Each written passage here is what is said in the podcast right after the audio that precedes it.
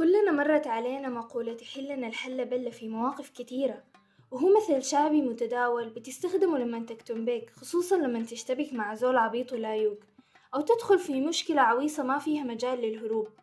المقولة دي جات من وين؟ نحن اتفقنا قبل كده إنه كل مثل عنده أصل وقصة والليلة حنعرف بلة دمنه وقصته شنو.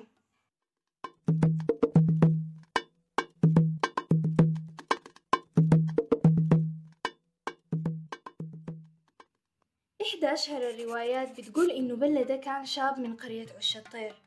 مفتول العضلات قوي البنية طويل القامة. لكنه من قطاع الطرق اللي بيطلعوا حق الناس عين عينك. وما كان في زول بيقدر يسأله. بلة كان عنده صديق اسمه عمر. عمر شاب مؤدب وأنيق ومحترم. وأبوه المتوفي كان واحد من الرجال المعروفين بالعلم والمعرفة. مرة وعمر بيقلب في كتب أبوه لقي كتاب تنبؤات مكتوب فيه. إن يوم الاثنين المقبل الذي يصادف الشهر الجاري سيظهر الفقر في هيئة رجل يرتدي جلابية سوداء وجيوبها خالية من النقود والدنانير. ولن ينصلح حال هذه القرية وأهلها ما لم يتم القبض عليه وغمسه في البحر عشر مرات وجلده ألف صوت من العنج. قام عمر طوال يكلم ناس الحلة واتفقوا يلموا الشباب الأقوياء عشان يقبضوا على الفقر. ويلا أول واحد جا في بال عمر هو صاحبه القوي بلة وفعلا مشى ليه في البيت لكن لقاه ما في. وأبو بلة طمن عمر وقال له إنه بلة حيرجع يوم الاثنين اللي هو يوم ظهور الفقر ذاته. ومرت الأيام وقرب يوم الاثنين وبدأ بلة يجهز لرحلة الرجعة للقرية.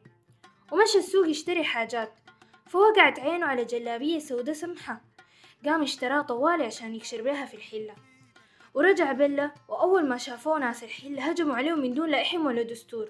غطسوه ومرمطوه وزلوه وكأنه الله أراد إنه ياخد حق كل الناس اللي حقر بيهم بلة ده كله بلة مخلوع وما عارف الحاصل شنو.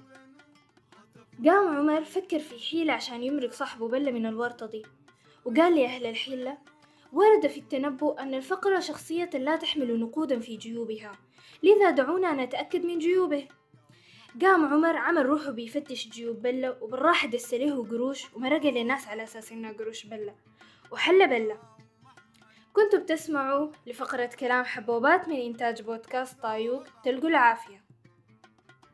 الحلقة دي من كتابة وتقديم إيلاف عصام مراجعة وتدقيق آلاء أبو الحسن تحرير وتوزيع علي أبو الحسن. ساعدنا في الإنتاج فريق منصة الجبنة